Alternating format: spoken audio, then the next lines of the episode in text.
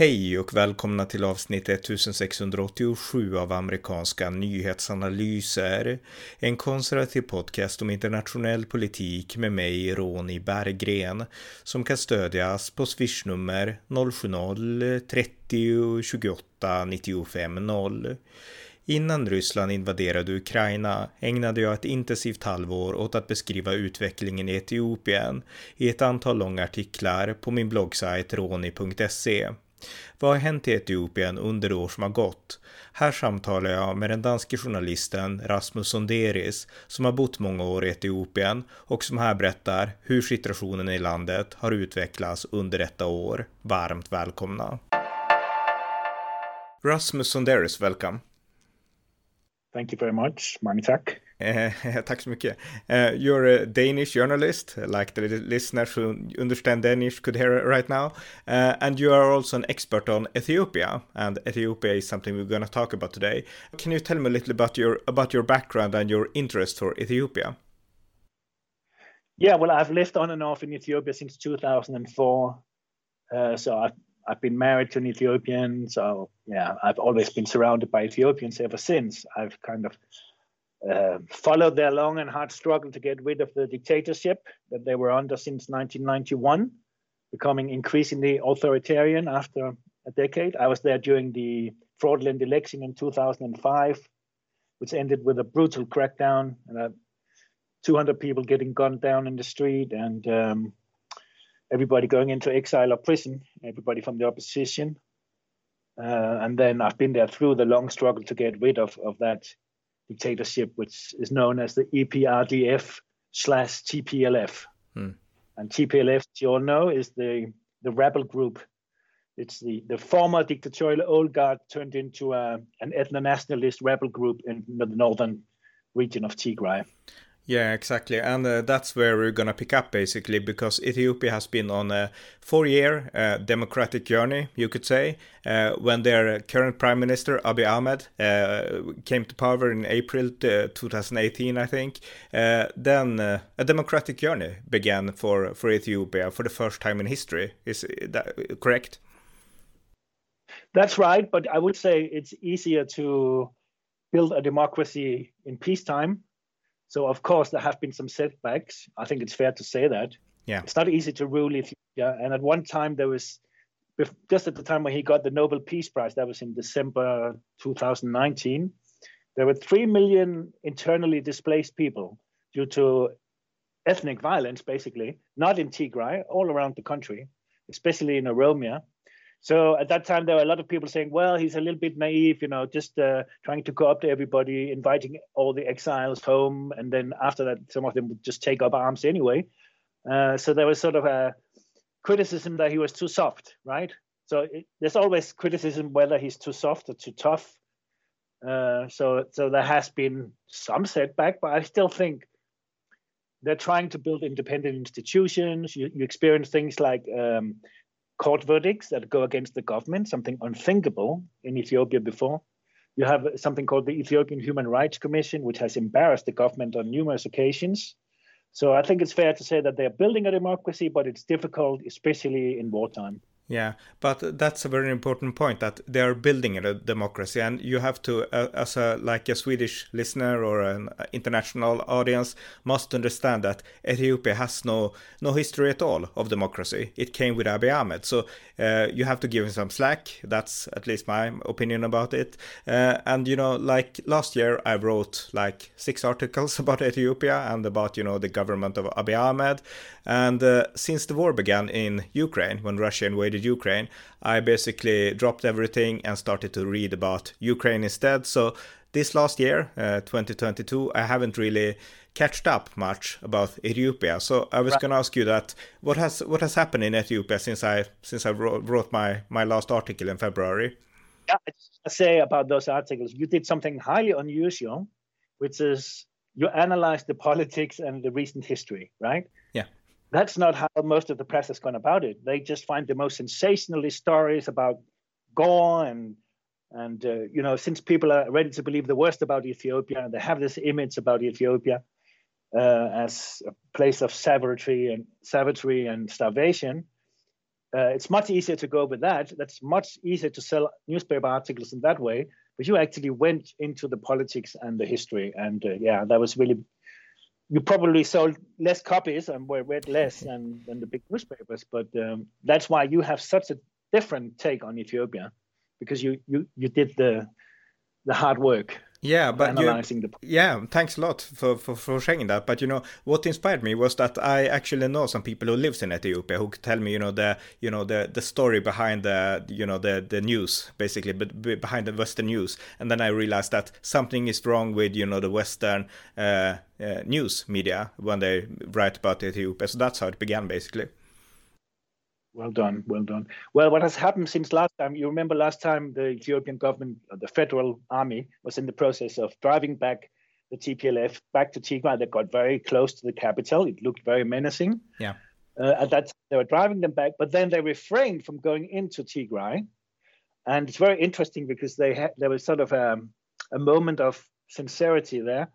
The, the reason they gave of, for not going into Tigray was that when they did occupy Tigray, they did that from I think 28th November uh, 2020 until 28th of June 2021. They, in that period, they did try to occupy Tigray, and their experience was that they, they had a hostile population against them. Um, they tried to ingratiate themselves in some ways, you know, restoring public services, but also there was a counterinsurgency that did go very brutal on some occasions, and things happened that nobody can justify. Uh, especially these, these, ethnic militia, the Eritreans got involved.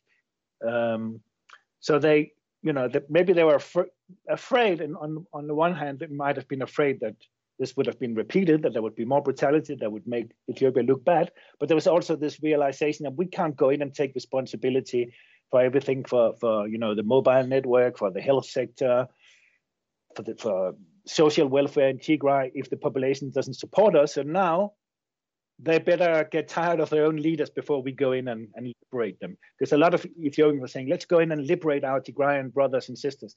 Uh, but if not all of them want to be liberated, it's not so easy.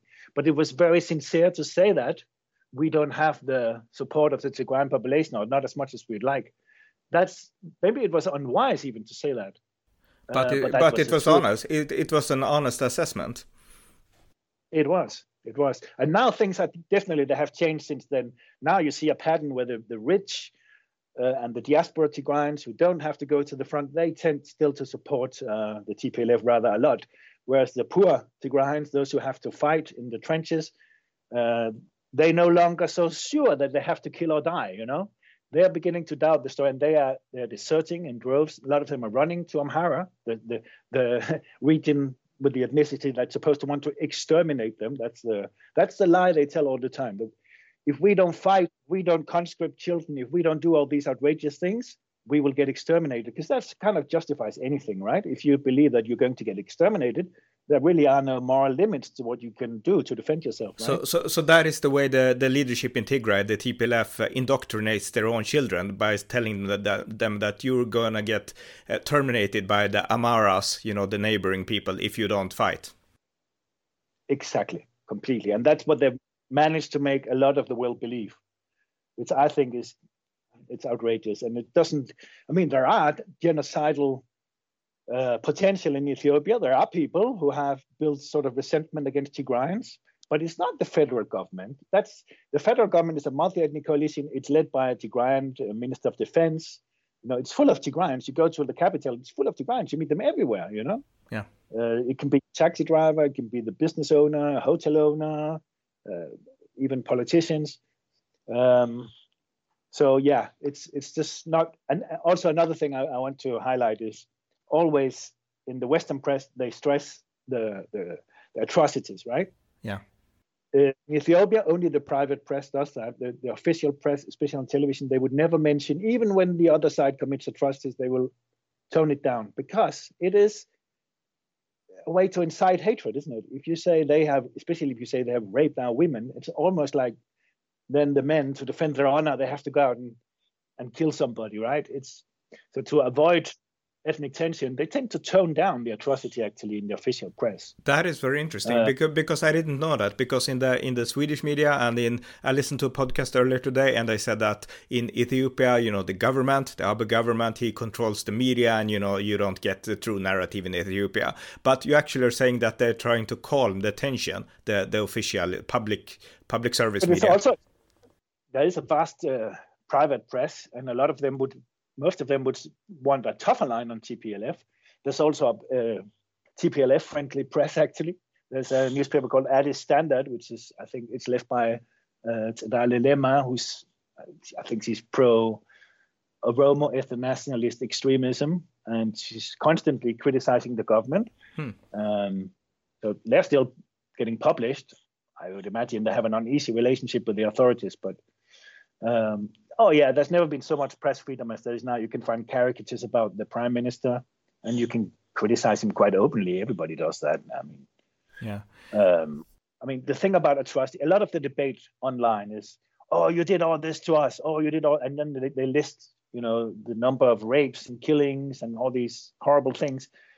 Sometimes with dubious sources, so you tend to believe the stories that the others are committing atrocities, but you don't believe the stories that your side is committing atrocities, right? And it's it's not a very fruitful way of discussing. It it keeps the attention away from the politics, when in fact, you know, you it would be safe to assume that nobody wants atrocities. Nobody supports these outrages, right? Nobody can justify rape. But so that's why I'm saying sometimes it's a very, very thin line between championing human human rights and inciting ethnic hatred. It is, for example, the um, the what's it called the um, the commission of experts who on, on human rights in Ethiopia. They said that the rapes in Amhara committed by TPLF troops that was revenge for rape uh, rape committed by by the Fano militia, Amhara militia in Tigray. I mean, just the fact that they mentioned this word revenge oh, that, drew a lot of criticism, of course. And, and this is is this is this the United Nations saying this? Yeah, they're from the United Nations. Yeah, yeah. There've been two uh, investigations of human rights in Ethiopia. We can get into that as well. Yeah, but uh, this is very interesting because you know the main I have spoken about Ethiopia before in earlier pod episodes, and I hope that people who, are listening know read my articles and listen to the earlier pods because we this is a lot of details here, and uh, we can't go into everything. But uh, basically, uh, a lot of people when when when the war ended uh, last year or in the beginning of this year, then the TPLF began to later during this summer, I think actually they invaded Amhara once more and you know started killing Amharas yeah, and things like that. There was a unilateral truce declared in March. Yeah, until March they, they were still attacking Afar and still making incursions into Amhara. Uh, then in March they were completely driven out of um, driven back to Tigray, and then the official the, the, the, the Ethiopian government declared a truce which lasted for five months. Then on the 24th of August this year, the TPLF took 12 fuel trucks from the World Food, Pro- Food Program at gunpoint. And this was condemned, and uh, the World Food Pro- Program uh, leaders were, you know, outraged. And, and, then they began an attack again on Amhara uh, and also on Afar. And now they have been driven back, and apparently there's some fighting going on inside Tigray as well but I don't really know what to trust. You know, they say there's a major offensive um, launched from Eritrea, and that Eritrea has called up a lot of troops. But uh, you look into the sources for this, and it's sort of a, a vague statement by Biden's envoy. There's an anonymous diplomat. There are unnamed aid workers, and then there's all the rest of the sources is just um, TPLF. Hmm.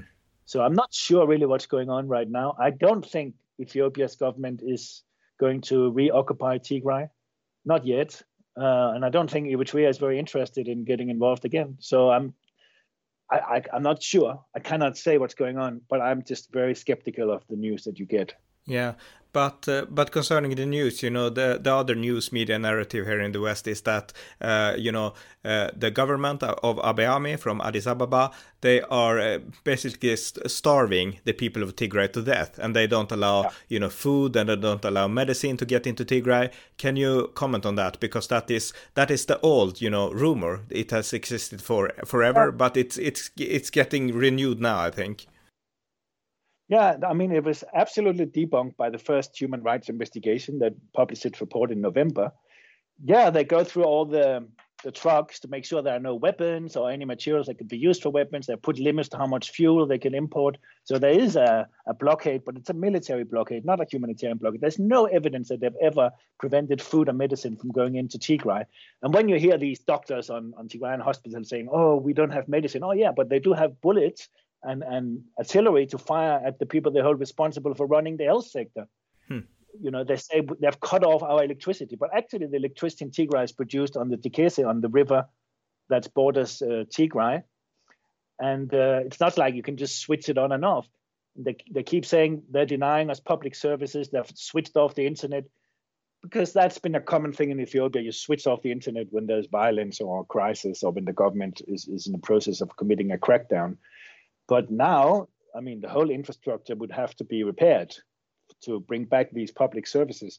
And how can the Ethiopian government um, restore services in area in an area where its representatives are being shot at, if not taking hostages? They're being paraded as hostages in the street. Uh, it's illegal to collaborate with the Ethiopian government. How can they bring public services in a territory like that? Uh, they're also being criticized for not uh, for not allowing banking but they would have to bring in lots of cash, and all cash is being confiscated by TPLF, presumably to buy weapons or whatever. Uh, also, the food aid is actually also be, being used for, for being repurposed for war. For example, if the family doesn't lend a child or a young person to, to the army, they won't get any food aid. It's all being used. It's not like these uh, the World Food Program program brings out the food inside Tigray. They just dump it at the at the TPLF headquarters, and they take care of it. Yeah. So, so, so, the, so the, yeah, so, so, so the bad actor here is still the TPLF who rules Tigray with an iron fist, basically, and the people in Tigray are suffering because of the TPLF, not because of the Ethiopian government. Absolutely, yeah. Yeah, but that brings me to, to another point here. Uh, when I wrote about this conflict, uh, the United States basically had the, uh, well, they basically considered the TPLF in Tigray as the good guys, and they were very skeptic to Abiy Ahmed and to the Ethiopian government uh, because uh, during the last years, uh, the TPLF had actually been an ally with the United States. So because of that, the United States gave, gave the TPLF a lot of slack and, you know, were very critical and brought the TPLF narrative uh, about, you know, the government. But has the United States changed view uh, about this conflict now? First of all, I mean, what you the version you just told me is exactly what any Ethiopian would say. It's almost uh, like common knowledge in Ethiopia that the US and the EU they support the TPLF. I'm not so sure it's like that, but I can understand the Ethiopian viewpoint why they would see it that way. Um, because I mean, if you fail to support the democratically elected government, it's almost like you're supporting the terrorists. They see them as terrorists. Hmm.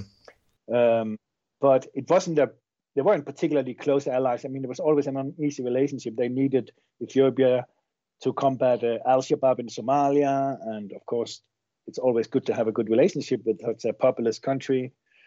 Um, but there are a lot of uh, disagreement as well. I mean, first there was the crackdown in 2005 after the fraudulent election.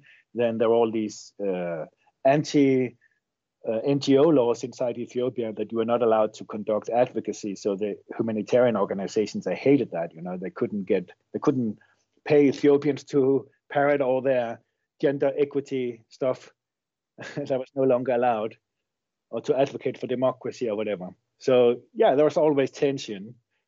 There were, of course, some officials like um, Susan Rice within the, the U.S. who were very close to TPLF officials, and there's like Tedros Adhanom, for example, are high up in the UN. They make friends, you know, with ministers and pri- former prime ministers and they see important people all the time. So of course there was this sympathy, right?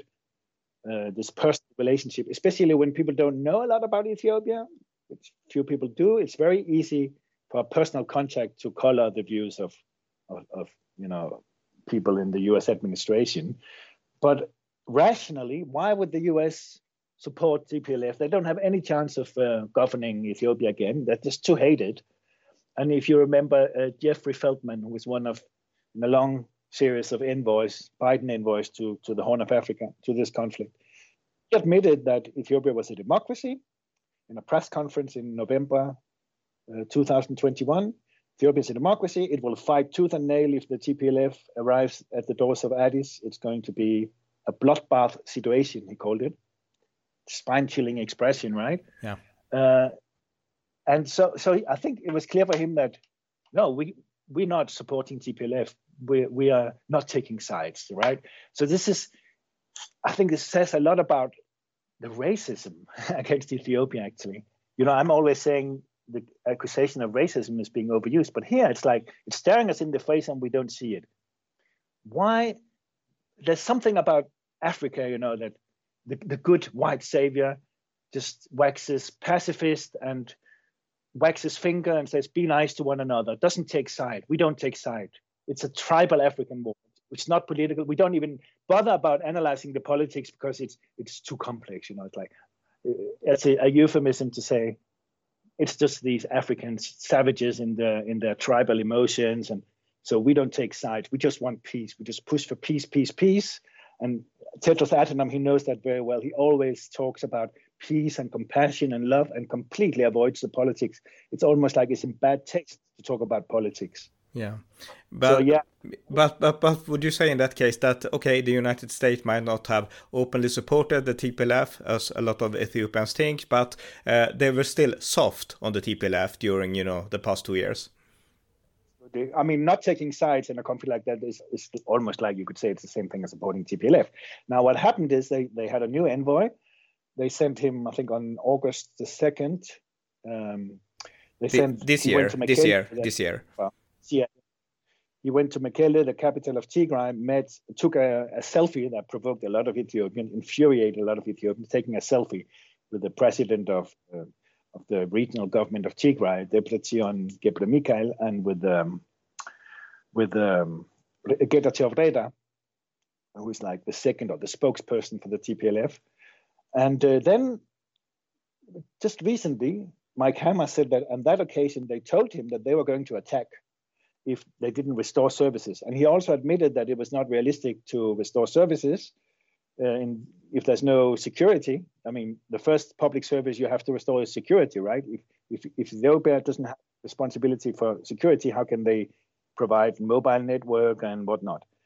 So he, he said he also said that in Afana and Amhara, where the TPLF had just attacked, even there they had still not restored the mobile network.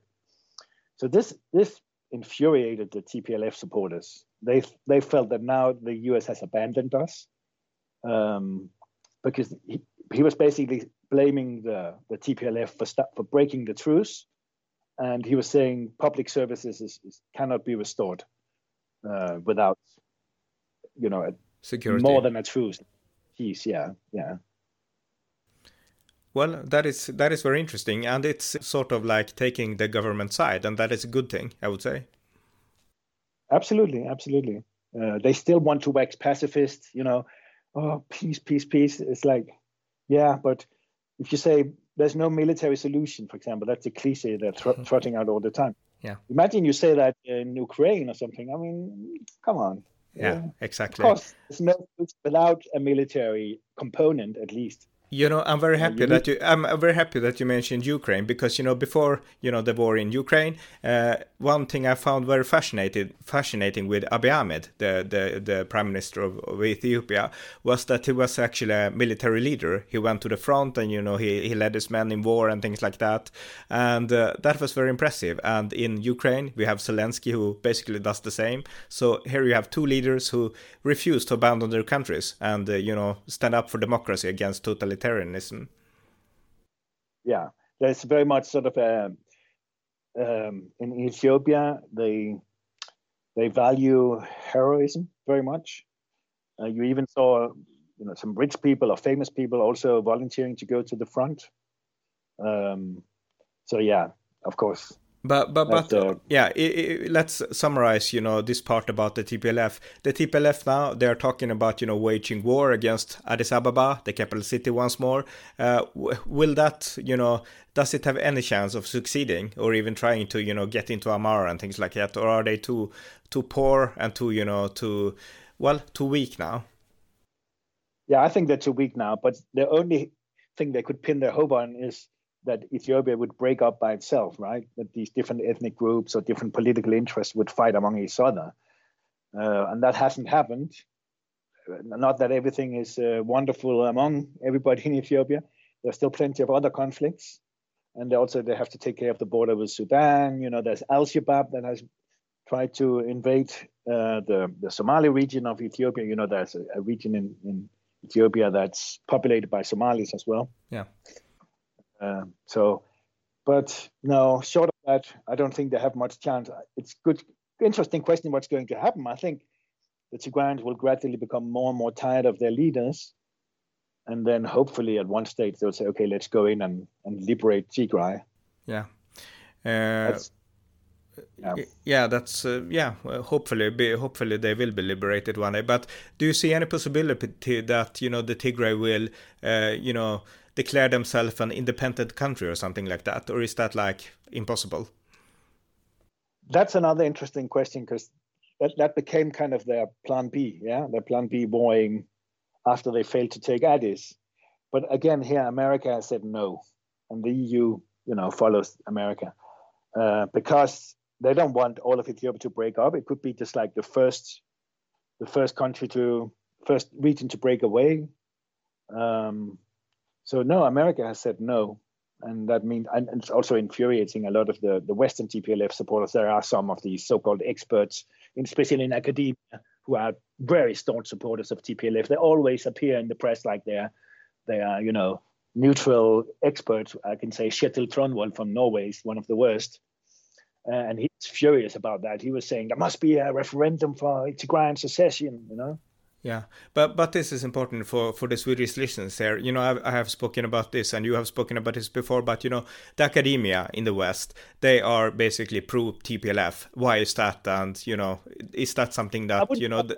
Yeah, there's uh, Anne Fitzgerald in Canada who's been interviewing um, uh, Tigrayan uh, refugees or, or, or, IDPs in, in these different camps.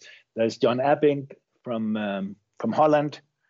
So it's not everybody, but yeah, there have been a few. There have been a few, and uh, they're always posed as neutrals, but they're not at all. They're very closely uh, allied to the TPLF. You can see, for example, and that's the same with the media. For example, uh, you know, Nima Elbagir, a famous CNN journalist, just won a prize.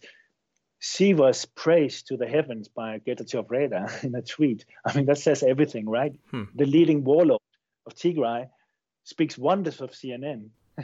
um, if, that, if that make them you know, if, if that's not food for thought, what is yeah. it? Ex- uh, yeah, it really is. It really is. But you know, that bring, brings me to you know the next next uh, conflict, or should I say, in in Ethiopia, because uh, let's assume that the TPLF will be you know locked down in Tigray for a long time. They won't you know they won't have won't have any chance to you know overthrow the government uh, again. So, but there are other problems, and you mentioned uh, the Oromos, you mentioned the the Somalis, and Al Shabaab, the terrorist group from Somalia. They actually have they have not been present in Ethiopia actually, but uh, in this summer they you know basically took over some part of Ethiopia. Can you can you tell me a little bit about that? Yeah, I don't know that much. Uh, I just know they tried to get in and they were beaten back. Uh, with the Somali, mainly the Som- Somali soldiers, Ethiopian Somali soldiers, beat them back. Hmm.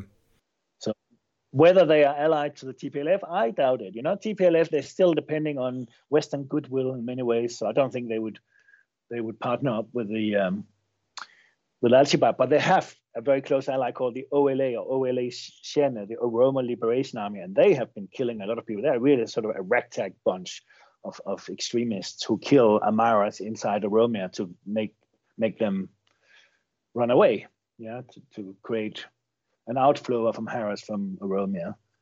And uh, yeah, they're extremely violent, extremely dangerous. They've killed thousands of, uh, of Amharas, and they don't represent the majority sentiment in Oromi, in, in Oromo uh, region at all. I mean, most of Oromo are either pro, they're, they're all pro unity, but they're definitely uh, definitely a lot of them who are sort of moderately ethno nationalist, um, but not extremist. No, but this is interesting because they were almost these extremists that kills Amarans. Uh, when the West looks upon this, they think that you know the the federal government government must do something. You know, it's uh, Abiy Ahmed's responsibility to to to you know stop this and to to save the Amharas. And I think a lot of Amharas think that too, and you know disappointed, uh, you know, at Abiy Ahmed for for letting this happen. But it's very complicated in Ethiopia. And uh, I would say that, you know, Abiy Ahmed does not have that power to basically protect the Amharas from these, uh, well, genocidal tendencies from the Oromos. Yeah, he got a lot of criticism. I think some of it was justified. It was mainly about his reaction, that he refused to declare uh, national mourning, stuff like that. But then he he has made some amends on and uh, what's what I find thought provoking is all the, the the things you've read in Western press about this is blaming Abiy Ahmed, Abiy Ahmed, and they're not mentioning that the OLA is the closest ally of the TPLF. Why don't they mention that?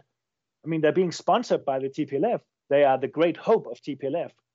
That you know, if they can cause havoc in Ethiopia, then maybe TPLF has a chance of at least um, you know, declaring independence, if not retaking Addis, you know. Yeah.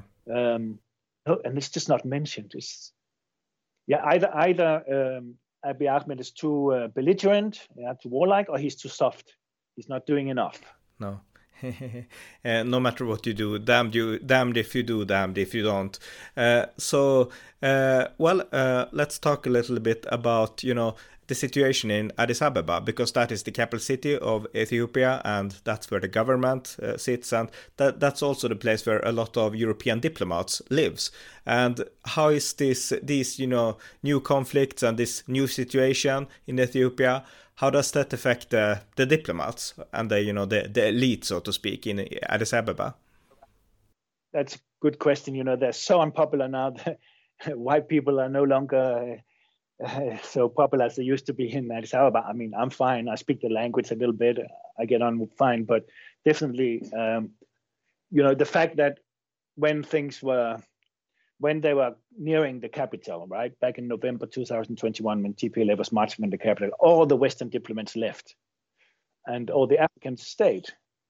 So, of course, that tells you something about the cowardice and the, and and also it's set in train a degree of panic of investors and and tourism and all that, you know. Um, so there's a lot of resentment over that, of course. But on the other hand, the diplomats who stay for long in Addis Ababa, of course, they get influenced by being among Ethiopians. I can notice the Danish ambassador, for example. Um, she wrote, she penned this interesting article, which is, of course, very innocent, trying not to talk too much about politics, but he says things like Ethiopia can can do it by itself. We must trust the Ethiopians more. You know, maybe they don't want us to meddle so much in their politics.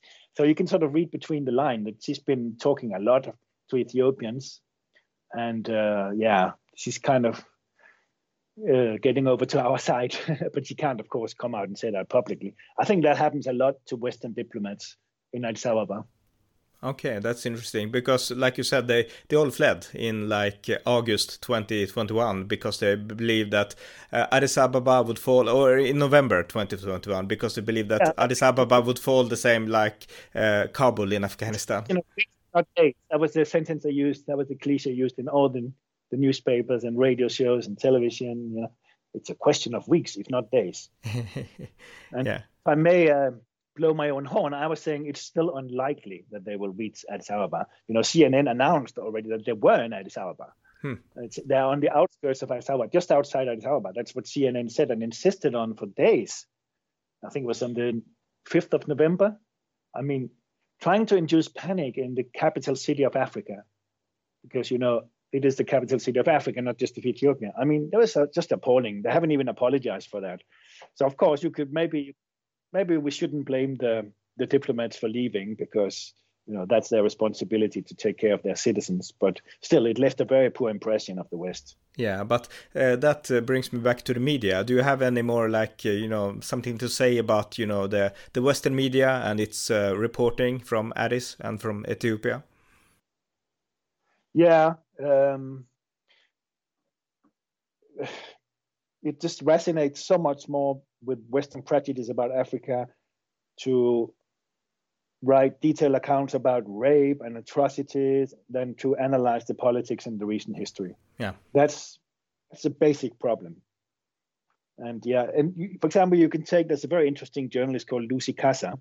She's an ethnic Tigrayan. She used to write these harrowing stories about rape. Um, and yeah, she was just following the TPLF line. And um, so the Ethiopian wouldn't believe the stories.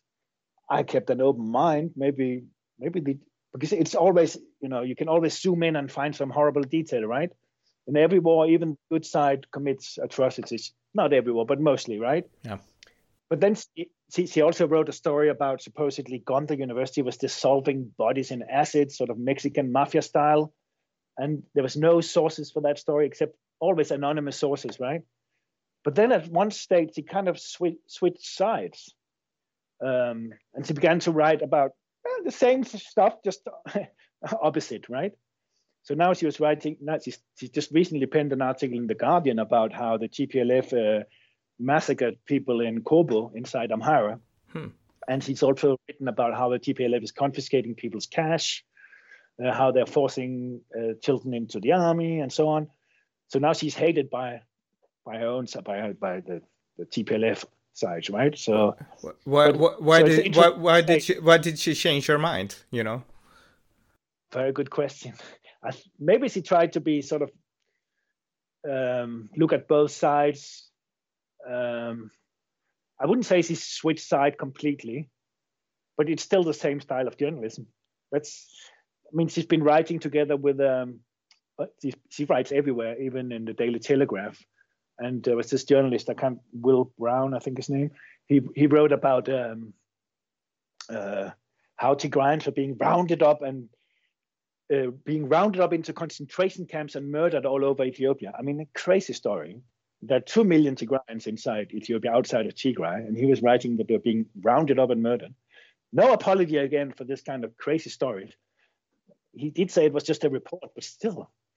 Um, so she's riding with him, and he's also, I wouldn't say he's changed side, but they like to write about both sides committing atrocities in general in the press. That's the, there was also a very interesting article by Jon Lee Anderson, who's a very famous writer in the New Yorker, and again, it was pretty much the same nonsense about focus on atrocities, focus on Abiy Ahmed's uh, personality, a lot of that, psychoanalyzing the leader, and not much historical and political analysis, but for the first time, it mentioned that Ethiopia has a Tigrayan Minister of Defense.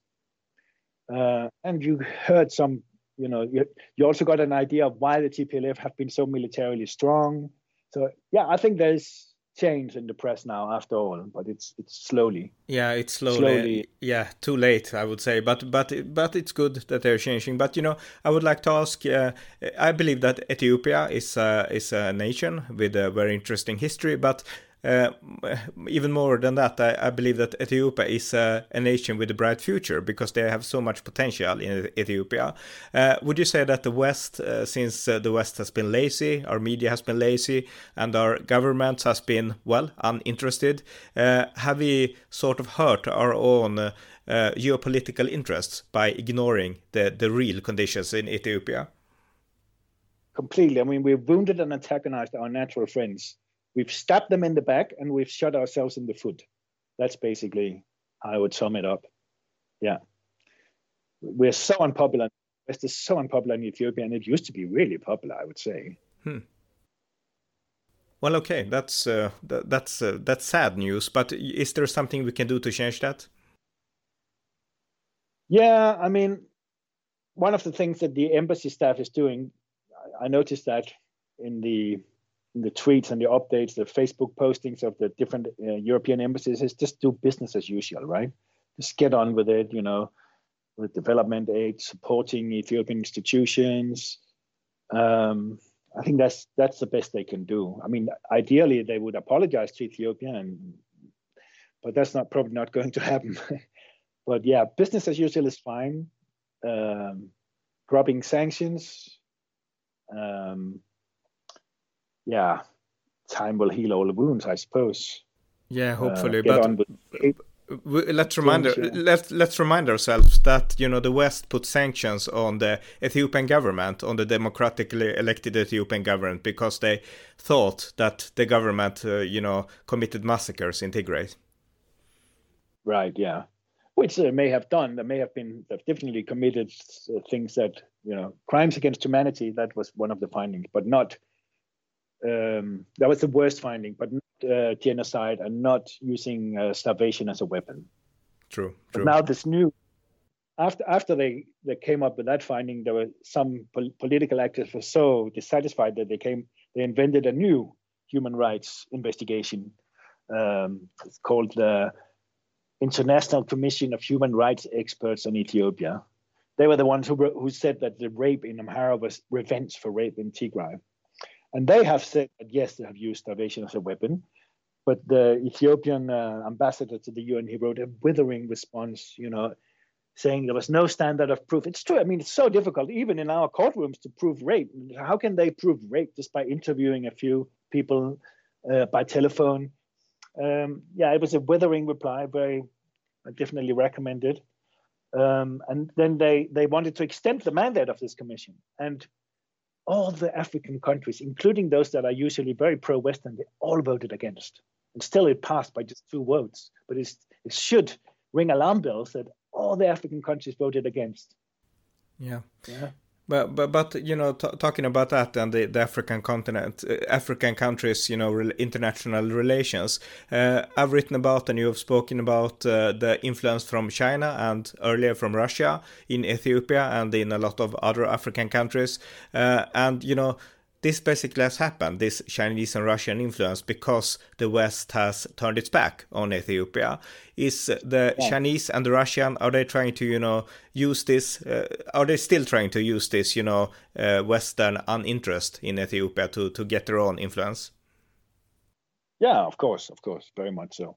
I mean, Ethiopia has abstained on all the votes in the UN about Ukraine, Russia, and I, I have no doubt they would have voted with the West if it hadn't been for this conflict. But now they they kind of owe Russia a little bit. We, Eritrea would vote in favor of Russia, but Ethiopia just abstains. Hmm. Okay, very interesting. Uh, I have some final questions. One question is, you know, you have been following Ethiopian politics for, well, a couple of decades, basically. And has this war, this tragic war in Ethiopia, in any way changed your worldview? Yeah, uh, I must say I never thought that I would be blaming uh, in Ethiopia on the West, on on human rights organizations, on aid organizations, on on on venerable newspapers that I have agreed with for decades. So yeah, it has definitely changed my views. Uh, I mean, I'm still a, a centrist, um, maybe slightly uh, center right by Scandinavian standards. Um, but yeah, I'm much more skeptical of the whole sort of media dynamic in the West. And I'm also much more prepared to accuse the West of racism against Africa because I, have seen it, you know. It's so obvious the yeah, the way they they just refuse to analyze the politics in Ethiopia. They just want to stand at the side and wag their fingers to show how good they are, you know. And maybe it's also the corrupting influence of uh, development aid, because what do you want in return when you when you give money? Of course, you want something in return. You want to look good, right? You want to be the good guy.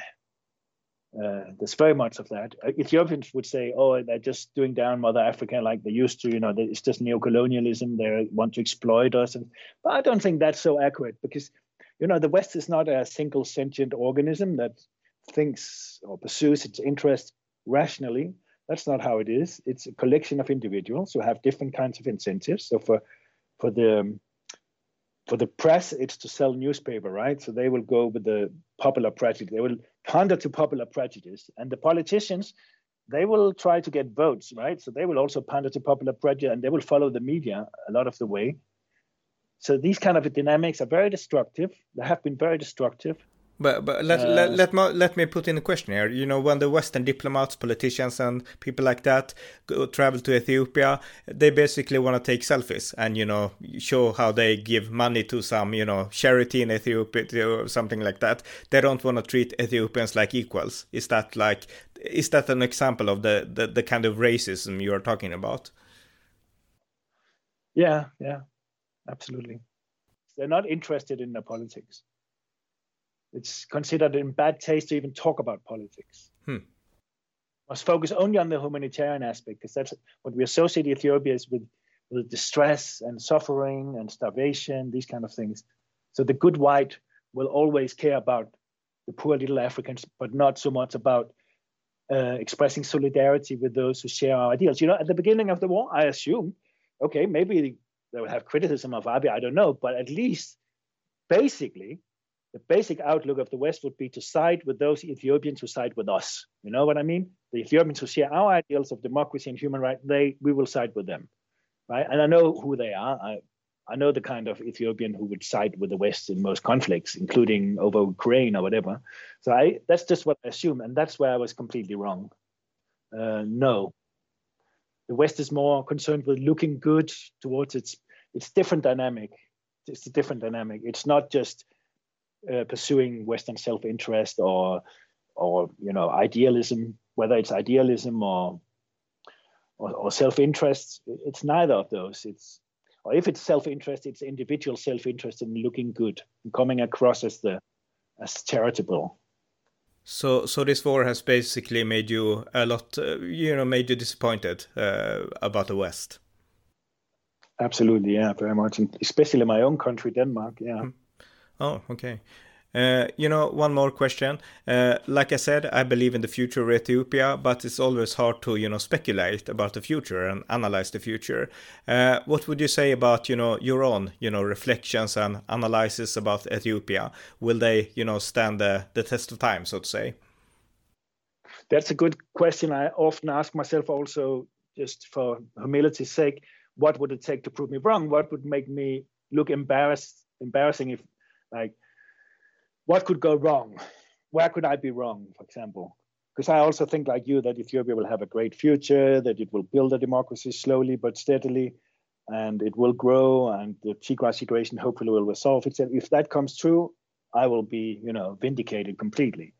But it could also take a more authoritarian turn.